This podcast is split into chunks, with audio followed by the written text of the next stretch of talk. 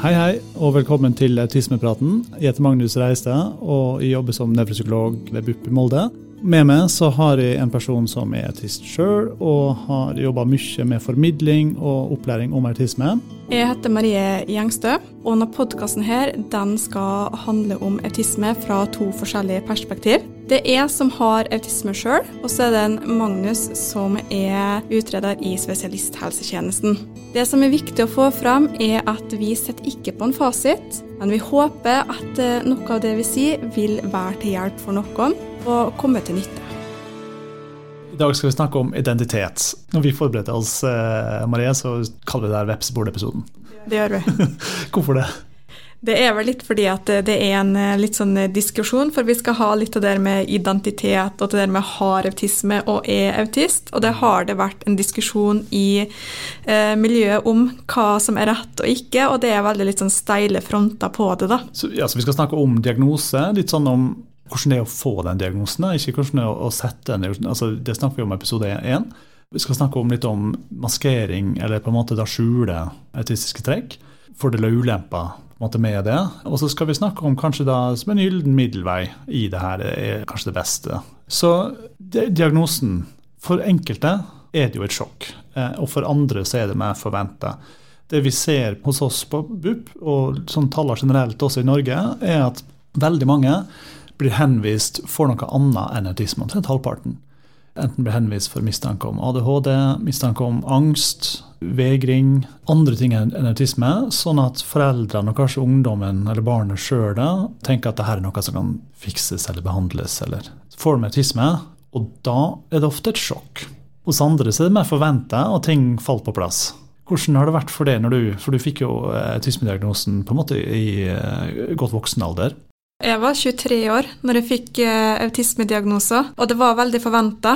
Egentlig for alle, både for meg og selv om jeg var voksen, så var mamma med på utredninga, og mamma var med på prosessen. Eller jeg hadde utredninga sjøl, men mamma var med på prosessen. Og det var fordi at hun har i mange år trodd at uh, det var det du kunne være. For hun så var det forventa. Det var mer det at det var jeg som holdt tilbake fordi jeg var litt redd for å få det stempelet med autisme. Jeg var redd for uh, stereotypiene av autisme. Jeg var redd for hva andre folk ville tenke. Og jeg visste kanskje ikke helt hva det var for noe heller, selv om jeg skjønte at uh, det var noe som ikke stemte. Men uh, med meg så var det veldig forventa. For meg sjøl så kom det ikke akkurat som et sjokk, men det var veldig godt på en måte å få en bekreftelse på at det er det som har gjort at jeg har slitt. Eksempel på ungdomsskolen med å forstå ironi, med å på en måte henge med gjengen. Det er det som har gjort at jeg på barneskolen ikke klarte oppmerksomhet, eller at jeg surra rundt og ikke fikk til å leke med noen i feriene for at det ikke var strukturert. Uh, og derfor jeg på en måte følt meg annerledes. da. Ja, ikke sant? Og alle de tingene som du beskriver der, er jo litt sånn at det er tilleggsvansker som er lett å se. ikke sant? Og Det med å ikke klare å følge med i skolen, og at det kanskje er et sprik mellom evner og, ferdigheter. Du får dårlige karakterer selv om du er, er ganske gløgg og skjønner at du føler at du skjønner ting og sånn. Og da blir den henvist for den vansken, ikke sant. Og så er det litt sånn at når vi skal lete etter noe, så leter vi etter én ting. Og så har vi litt sånn den brillene på. Og så finner vi det, eller så finner vi det ikke. Og, men ofte så må vi liksom også ha på litt autismebriller. For å, de tingene som vi vet er assosiert med autisme, som oppmerksomhetsvansker, angst, vegring, sånne ting, så er det noe annet som ligger til grunn der og ligger bak, egentlig. Så for det så beskriver du egentlig sånn en, en knagg, da, henge ting på, en forstå, et rammeverk, liksom. Du kunne forstå vanskene dine ut ifra. Ja, det var litt sånn. For som du sier, det med angst og sånn, jeg hadde slitt mye med angst, men det var på en måte ikke angst lell. Det kom sånn veldig uforutsette situasjoner. Det kom når jeg ikke fikk til ting. Det var egentlig ikke så veldig likt angst, men det var angst lell. Det var på en måte følelsene i det. På en måte det at jeg datt ut av arbeidslivet, at jeg ikke fikk til det, at det var vanskelig når jeg skulle bytte plass i klasserommet på videregående, og alt det der egentlig bare falt eh, på plass, da.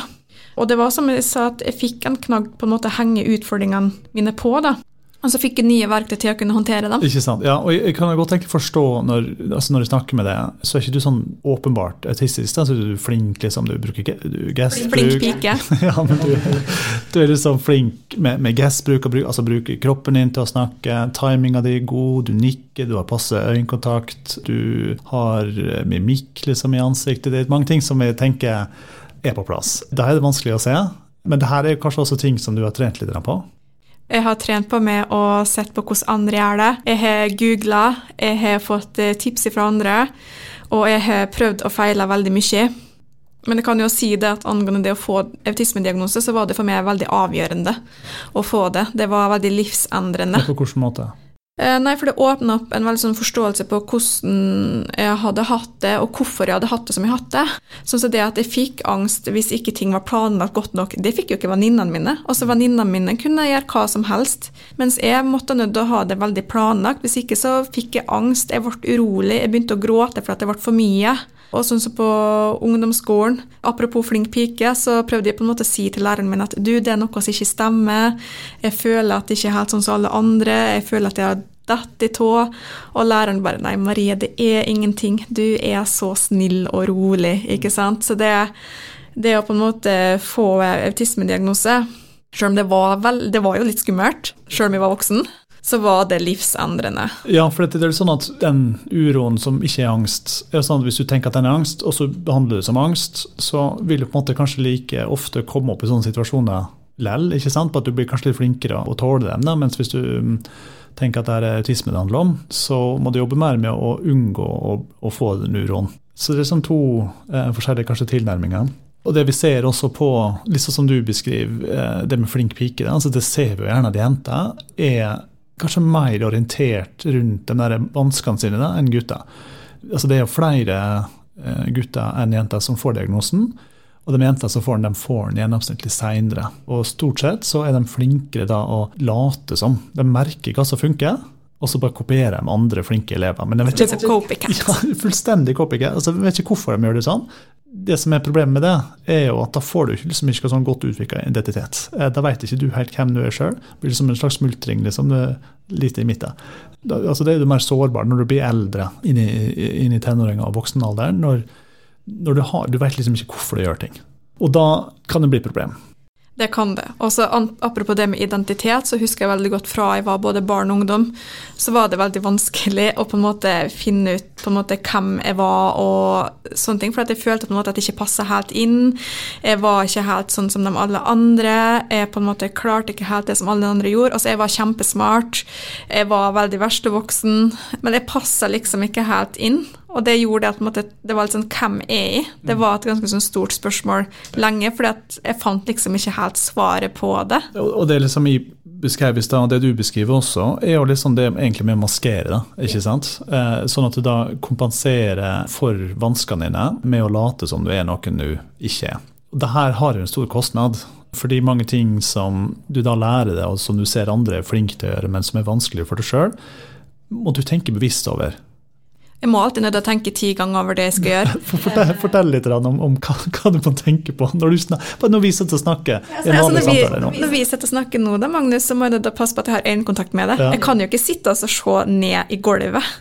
Og jeg kan jo heller ikke ha hendene mine bak på ryggen. Jeg må vise kroppsspråket mitt. Jeg må ha et åpent kroppsspråk, for det er høflig. Og så må jeg passe på hvordan jeg prater, så må jeg huske på hva du prater om, sånn at jeg klarer å følge med i samtalen. Alt det der lagres jo i hodet mitt. Men apropos det å late som.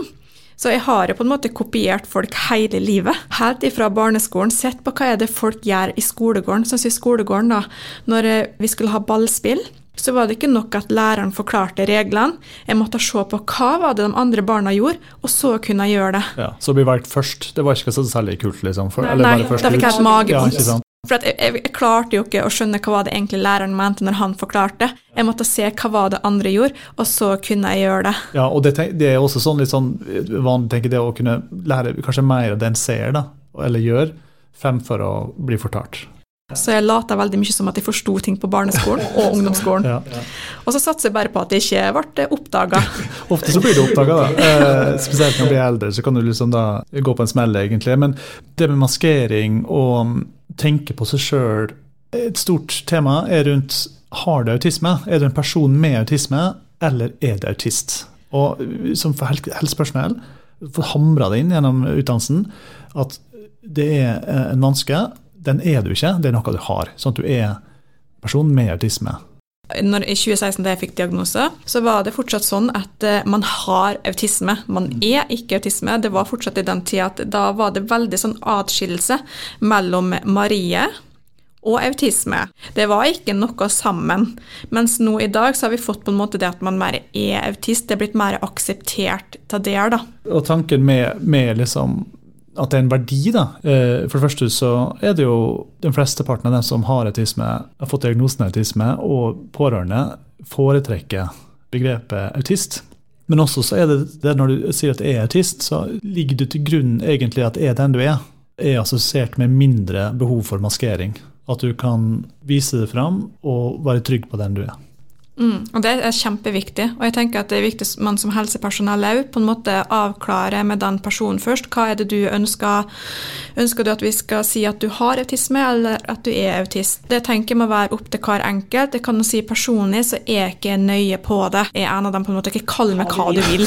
Men altså, jeg jo, altså når jeg ble diagnostisert, så var det jo asperger det å bruke autist, det er jo veldig nytt for min del. Ja, ja. uh, og bare det er jo litt sånn skal det inn i identiteten min? Jeg kjenner at det er litt sånn der, eh, nesten litt sånn vanskelig, fordi at jeg har litt de der gamle forestillingene. Ja, og, og for min del er det kjempevanskelig, for jeg er så vant til å si med autisme. Så jeg, jeg sier litt begge deler om en annen. Og så prøver jeg også å se på reaksjonen til den jeg snakker med. Det, Det tenker jeg er veldig viktig. For å følge med det. Men det er ikke alltid at autister, eller den med autisme, klarer å vise en reaksjon så godt. Så ofte som For det kan være vanskelig å eh, Det er jo en del av det, ikke sant? Ja. Det å formidle følelser, vise følelser. Sånn at da må en ofte spørre ting sånn rett fram. Det er jo det enkleste, og det er ofte det beste, liksom. Ja, og det er jo sånn når det gjelder det med har og er autist Vi skal jo ikke ta vekk autismen. også Hvis noen sier det, kommer og sier at de er autist, så skal det ingen som skal rette på dem sånn. Og jeg tenker at det er viktig at man bare avklarer med den personen på forhånd hva er greit å si.